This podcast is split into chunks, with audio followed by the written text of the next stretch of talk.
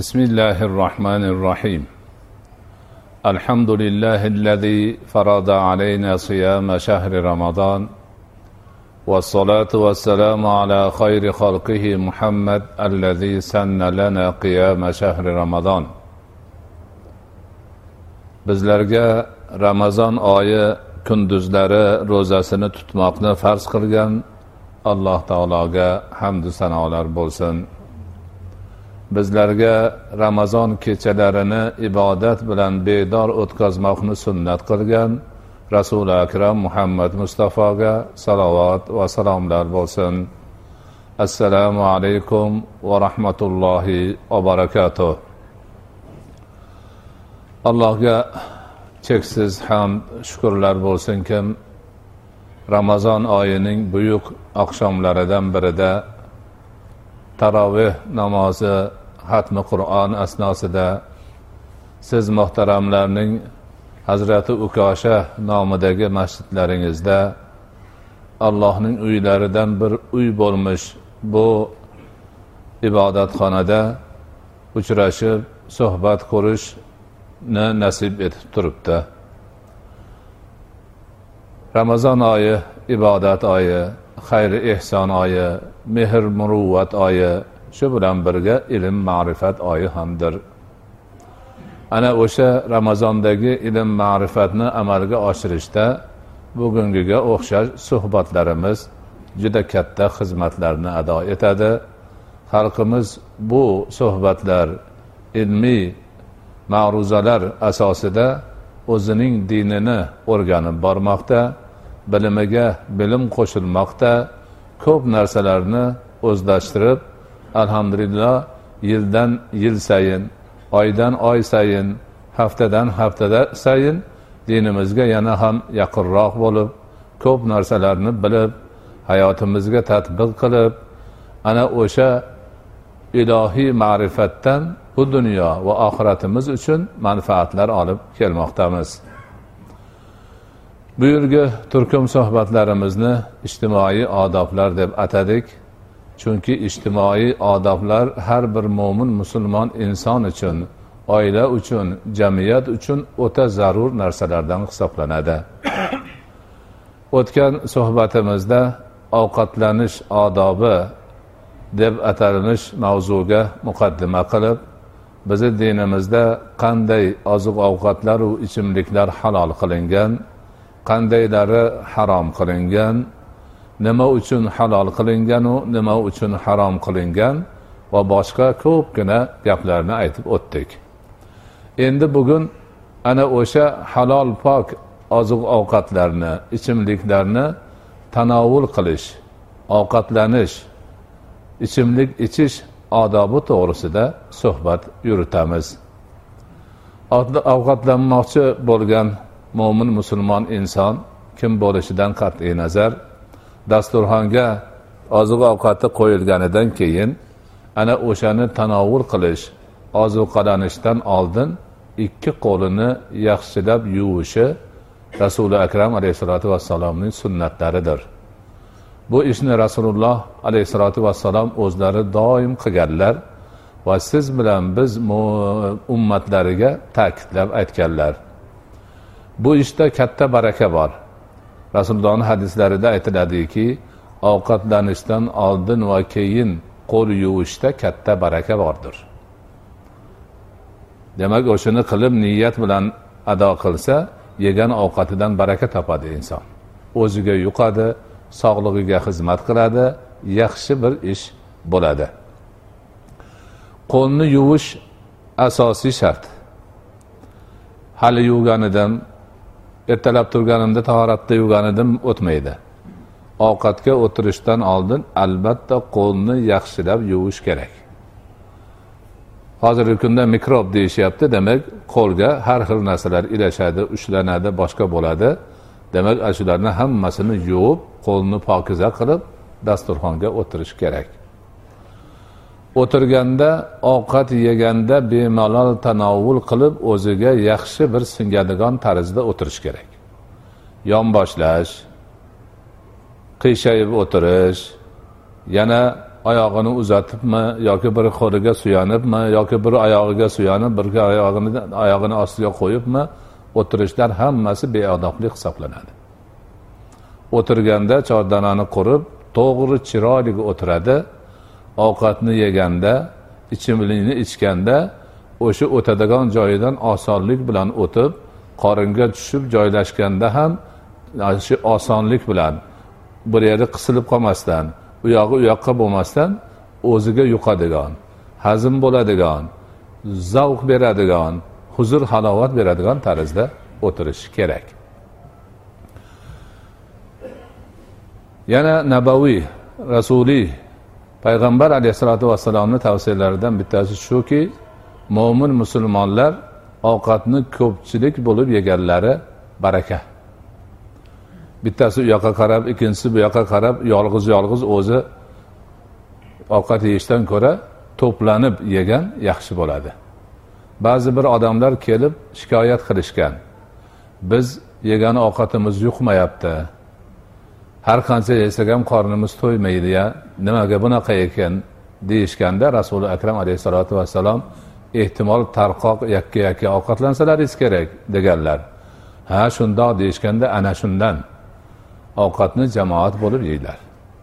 Ya'ni bir oila a'zolari mahramlar ertalab nonushta qiladigan bo'lsa hammalari bir dasturxon atrofiga to'planib jamoat bo'lib qo'llarini yuvib kelib ovqatlanishga shaylanishlari ana baraka bo'ladi. Har kim yakka yakka tarqoq ovqatlanishi musulmonlarni siymosi emas sunnati emas odobi emas. Ana dasturxon atrofida to'planib o'tirilganda olim odamlar katta yoshdagi kishilar boshlamaguncha boshqalar ovqatga qo'l urmasliklari ham islomiy odoblardandir. Sahobai ikromlardan rivoyat qiladilar qachon rasululloh sollallohu alayhi vasallam bilan ovqatlanish uchun dasturxon atrofiga o'tirganimizda u zoti va barakot alayhissalotu vassalom ovqatga qo'l urmagunlaricha hech kimimiz qo'l cho'zmas edik deydilar. Odob shu. Odob shu. Dasturxonni atrofida bir necha odam turibdi. Hamma biladi o'sha o'tirgan qavmni kattasi birinchi olishi kerak. Sahobalar rasuli akram alayhissalotu vassalom boshlamagunlaricha ovqatga qo'l urmaysinlar. Buni bolalarga ham kichkinalarga ham o'rgatib borish kerak. Saudiyada bir yerda ovqatlanib ishga tayyorgarlik ko'rilyapti. Ovqatni qo'yib qo'ygan o'tiribmiz. Bir yosh yigit aytadi sizlarda g'alati odat bor ekan a deydi. Nima odat desam shu ovqatni qo'ygandan keyin kattalar boshlamaguncha kichkinalar indamay turar ekan qimirlamay. A bu sunnatda desam e sunnatmi deyapti. Bilishmaydi ya'ni sunnatligini unutib qo'ygan. Ularda shu kelib ovqatni atrofiga kelib hamma o'zini olib yeyveradi orqasiga qaramaydi yoniga qaramaydi. Ana bu sunnat. Sahih imomi muslim rivoyat qilgan hadis bilan sobit bo'lgan haqiqat. Ana endi katta boshlab bergandan keyin boshqalar ham hammasi avvalo bismillahi rohmanir rohimni aytib o'ng qo'li bilan o'zining oldidan yeydi. Bu asosiy ovqatlanishni shartlaridan odoblaridan madaniyatidan shu. Muhaddislarimiz umar ibn abi salama roziyallohu anhudan rivoyat qiladilar. U kishi aytadilarki man yosh yigitcha edim. Rasululloh alayhissalotu vassalomning tarbiyalarida edim qo'lim ovqat idishda o'ynab yurar edi ya'ni u yoqqa ham uzatar edim bu yoqqa ham uzatar edim shunda rasuli akram alayhissalotu vassalom manga qarab turib ya g'ulamu sammillaha va kul biyaminika va kul mimma yarika dedilar hoy bola hoy bola bismillahi rohmanir rohim deb yegin. O'ng qo'ling bilan yegin. O'zingning oldidan oldingdan yegin dedilar. Umar ibn abi salama aytadilarki mana shu so'zni eshitganimdan keyin bundan keyingi hayotimni barchasida ovqat yeyishim shu tarzda bo'ladigan bo'ldi. Umar ibn abu salama ummi salama onamizni avvalgi erlaridan bo'lgan o'g'illari rasulullohni o'gay o'g'illari hisoblanadi. Kichkina bolacha. Onasiga ergashib kelgan bola. Haligi bola tarbiya ko'rmaganligidan u yoqqa bu yoqqa qo'lini uzatib ehtimol kattaroq go'shtlarni olib yeganmi nimadir qilgan. Lekin bunga kattalar qarab turmaslik kerak ekan. Rasululloh darrov hay bola bismillahni aytib yegin o'ng qo'ling bilan yegin o'zingni oldingdan yegin deb o'rgatdilar. Mana shu narsani doim kichkina bolalarga aytib turish kerak. Kattalarga ham aytib turish kerak. Eslatib turish kerak. Avvalgi paytda bunaqalar bo'lmaganidanmi? Hozir kop katta. Hatto oqsoqol odamlar ham chap qo'li bilan yeydiganlar bor. Ba'zi birlari ilmli odamlar. Qaysi qo'l bilan ovqat yeyishni hukmi qanaqa shariatda desangiz sharrillatib aytib beradi. Hadisni aytadi. U deydi bu deydi lekin o'zini ovqatlanishiga qarasangiz doim bo'lmasa ham ba'zi vaqtlarda chap qo'lini ishlatadi. Nima qilgan? O'rganib qolgan shu. O'rganib qolganidan kallasida ilm bo'lsa ham buyog'ida ishlatish esidan chiqib qoladi. Man o'zim bir necha shaxslarni bilaman. Bir necha marta o'zlariga aytdim mana shu ishni qilyapsiz bu esingizdan chiqib qolgan ishlar kerak. Ha to'g'ri to'g'ri deydi. Yana bir yil ikki yildan keyin qarasam yana shuni qilishayotgan bo'ladi. Chunki yoshi o'tib qolgandan keyin o'rganib qolgan narsasini tark qilishi juda qiyin bo'lib qoladi. Shuning uchun bolalarni yoshligida o'qadigan paytida tez oladigan zehni o'tkir paytida bu narsaga o'rgatib qo'yish kerak. Shunday o'rgansinki uni ma'rifatini ichki dunyosini ajralmas qismiga aylanib qolsin. O'tirib oldiga ovqat qo'ysa ovqatni qaysi qo'l bilan yerida ekan deb o'tirmasin. Da bilsin o'ng qo'li bilan deb bismillah deb olib yeydigan bo'lsin. Ana o'zini oldidan yeyish odob. Birovni oldidagi bir idishda bo'lsa ovqatga o'tib birovni oldidan olmaydi o'zini oldidan olsin. Keyin yana hadislarda borki o'sha past tarafidan olsin tepadan ham olmasin. Chunki ovqatni barakasi tepasida bo'ladi. Pastidan borsa hamma baraka hammaga bir xil tarqaladi. Bu ham hadislarda kelgan. Tepasidan olib buyog'idagisi qolib ketib yo'q o'sha bir boshdan boshlab sekin o'rtaga qarab hamma tarafdan yurilsin barakali taom bo'ladi. Olganda qo'l bilan yeyayotganda ona qilib changallab yana qandaydir qilmasdan shu uch barmoq bilan olish rasululloh alayhissalotu vassalomni odatlari bo'lgan. Bu oz bo'ladi. Ochko'zlikka qarshi alomat bo'ladi. Odobni yuksak namunasi bo'ladi. Ba'zi bir odamlar unaqa siqimlab oladi. Yana qandaydir boshqa narsalarni qiladi sunnatga xilof ishlar. Ana oz ozdan olib og'ziga solib yaxshilab chaynasin chala qilmasin shoshilmasin. Ovqat issiq bo'lsa olib qo'liga puflash ham nihoyatda katta beodoblik hisoblanadi. Ovqatni qo'liga olib olib puflash choyni qo'liga olib olib puflash hammasi musulmonchilik odobiga mutlaqo to'g'ri kelmaydigan katta beodobliklardan hisoblanadi. Ana og'ziga olib yegan narsasini yaxshilab chaynab yutib bir nafas olgandan keyin keyingi luqmaga yana sekin shoshilmasdan qo'l uzatsin. Ovqatni shoshib yeyishlik ochko'zlik alomati odobsizlik alomati madaniyatsizlik alomati bo'ladi. Ho'p ana shu ovqatni yeyayotganda qo'li bilan oldimi qoshiq bilan oldimi biror bir parcha dona uvoq guruchni donasi tushib ketsa shuni olib agar biror narsa ilassa uni tozalab turib yeyiladi. Bu ham hadislarda qayta qayta takrorlangan. Rasuli akram alayhissalotu vassalom aytadilarki o'sha qo'ldan tushib ketgan narsani olib agar bir narsa ilashgan bo'lsa undan tozalab yeyilsin. Chunki ovqatni barakasi qaysi uvoqda ekanligini hech kim bilmaydi. Ehtimol o'sha qo'ldan uchib ketib dasturxonni chekkasiga borib qolgan guruch donasida butun ovqatni barakasi o'sha yerda turgandir. Shuni oyoq osti qilinsa tashlab yuborsa mana u yeganlar ham yuqmay qolish xavfi bor. Ana bizda ovqatni uvol qilmaslik isrof qilmaslik shu darajada. Bir dona uvoq bir dona guruch donasini e'tiborsiz qoldirilmaydi. E'tibor bilan juda chiroyli tarzda demak odob bilan ovqatlanadi.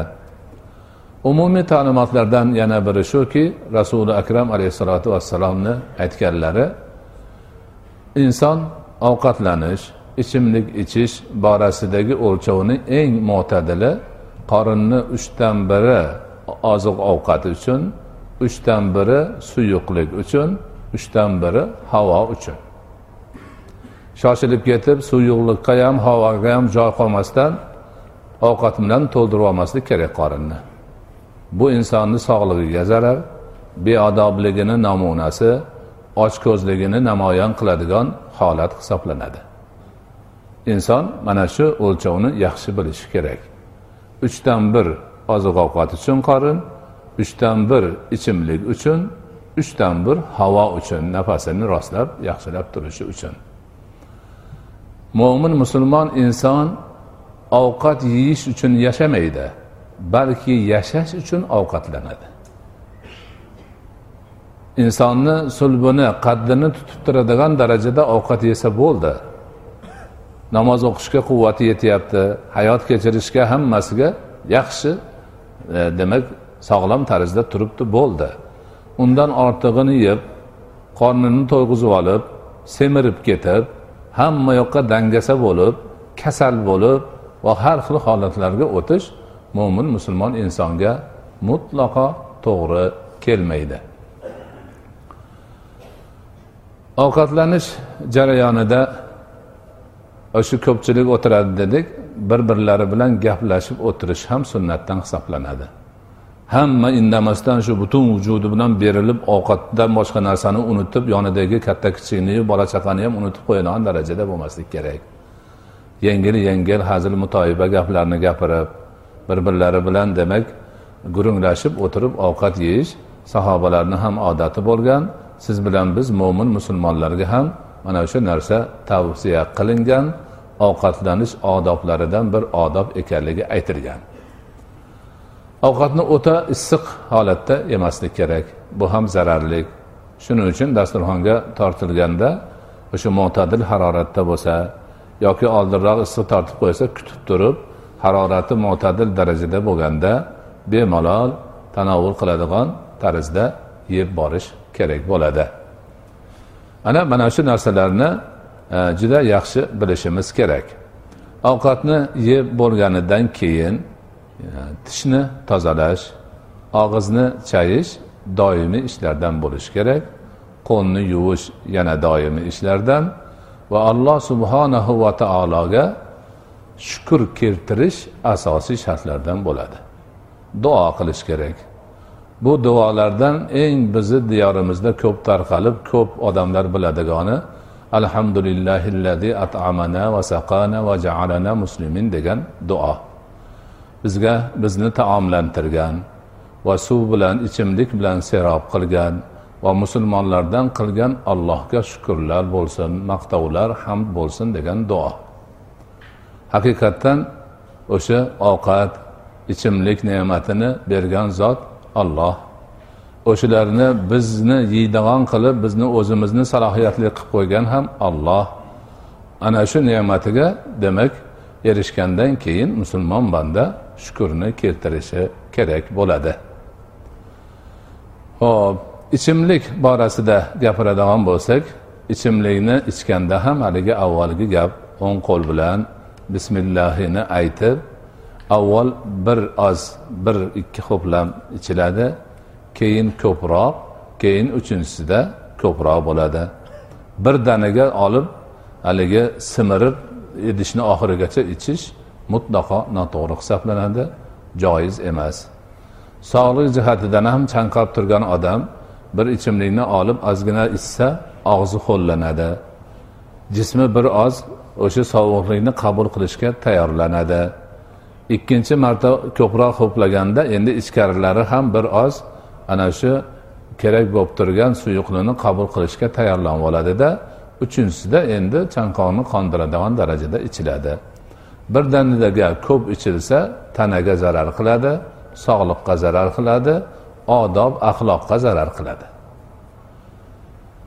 Ho'p ichimlikni ana o'sha ichayotganda avvalgi aytganimizdek idishni olib puflamaydi. Iloji boricha labi uchgan idishlarda ichimlik ichmaslik kerak. Mabodo ichishga muhtoj bo'lib qolsa zarurat bo'lib qolsa o'sha uchgan joyini boshqa yoqqa qaratib turib uchmagan joyida ichish kerak chunki e, chini idishlarni uchgan joyiga kir to'planadi har xil narsalar to'planib qoladi. U yerni o'zidan labini qo'yib ichish demak odob emas.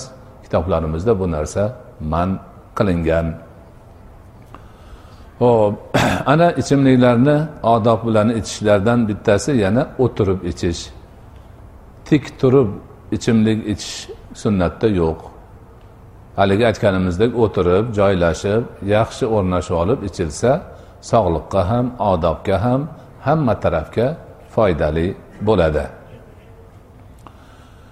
Oziq ovqat e, tanovvul qilish ichimlik ichish borasidagi gaplardan gapirib borar ekanmiz.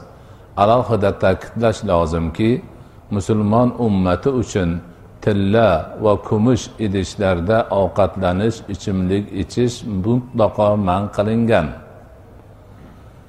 Chunki bu tilla kumushda ichimlik ichish boyligini namoyon qilish boshqalarni demak ko'nglini sindirish faxr maqtanishga o'tib ketiladi.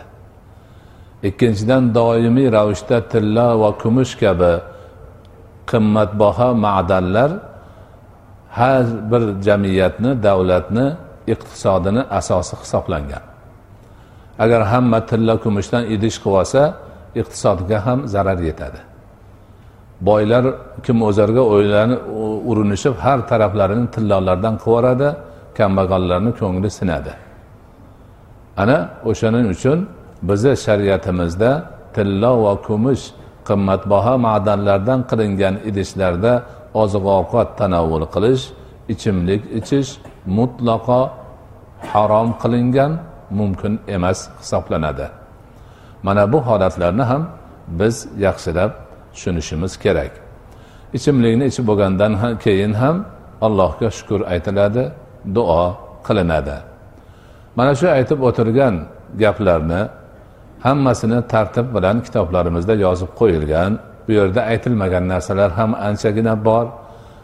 Agar shularni o'rganib bunday qaraydigan bo'lsak dunyo bo'yicha eng go'zal ovqatlanish biznikidir. Dunyo bo'yicha eng go'zal ichimlik ichish siz bilan biznikidir. Chunki biz oziq ovqat tanovul qilishni ichimlik ichishni qur'oni karim asosida rasuli akram alayhissalotu vassalomning sunnatlari asosida buyuk musulmon ummatining odobi asosida yuzaga chiqaramiz. Har birida hikmat bor har birida go'zallik bor har birida huzur bor har birida halovat bor. Ko'rgan ham havas qiladi uni qilgan ham havas qiladi huzur qiladi halovat qiladi go'zalligidan zavqlanadi. Mana shu narsalarni egasi ekanligimizni biz unutmasligimiz kerak. Mana shu narsalarni alloh taolo bizga ulug' ne'mat qilib berganini bir zum yodimizdan ko'tarmasligimiz kerak. Shuning uchun kichik go'dak bolalarimizni mana shu odoblarga yo'g'rilgan madaniyat bilan o'stirib borishimiz kerak. Erinmasdan aytishimiz kerak o'rgatishimiz kerak. Kerak bo'lsa har kuni dasturxonda shu ta'limni o'rgatish kerak. Qaysi bola xatoga yo'l qo'ysa muloyimlik bilan tushuntirish kerak. Ana ana shunda inshaalloh eng go'zal madaniyat sohibi bo'lgan eng buyuk millatni a'zosi ekanligimizdan qancha faxrlansak shuncha oz bo'lib yuradi. Alloh subhanahu va taolo barcha islomiy ijtimoiy odoblarga amal qilishimizni nasib etsin. Xususan bugungi mavzuyimiz ovqatlanish odoblari ichimlik ichish odoblariga og'ishmay amal qilib borishimiz. Bu narsalardan o'zimiz huzur halovat qilib farzandlarimizni ham mana shu odoblar asosida tarbiyalab borishimizni alloh taoloni o'zi nasib qilgan bo'lsin. Savollar bormi? Takror bo'lsa nima qilinglar ko'pchilikka foydasi bo'ladigan bo'lsa assalomu alaykum hazrat. Men tijorat bilan shug'ullanaman. Shartnoma bo'yicha oldindan to'lov ya'ni pul o'tkazib berishdi mahsulotga. Hali shartnoma bo'yicha mahsulotni to'liq yetkazib berganim yo'q. Savolim shunday shundan iboratki ko'radigan foydanim e, foydam taxminan ma'lum. Men ko'radigan foydamdan zakot beramanmi? Ho'p birovga pul kelibdi hali e, sotadigan narsasini berib bo'lmagan lekin foydasi aniq ekan. Shu foydadan e, zakot beramanmi? Zakot berayotgan odam zakot chiqarayotgan kuni o'zini mulkida nima bo'lsa hisoblaydi.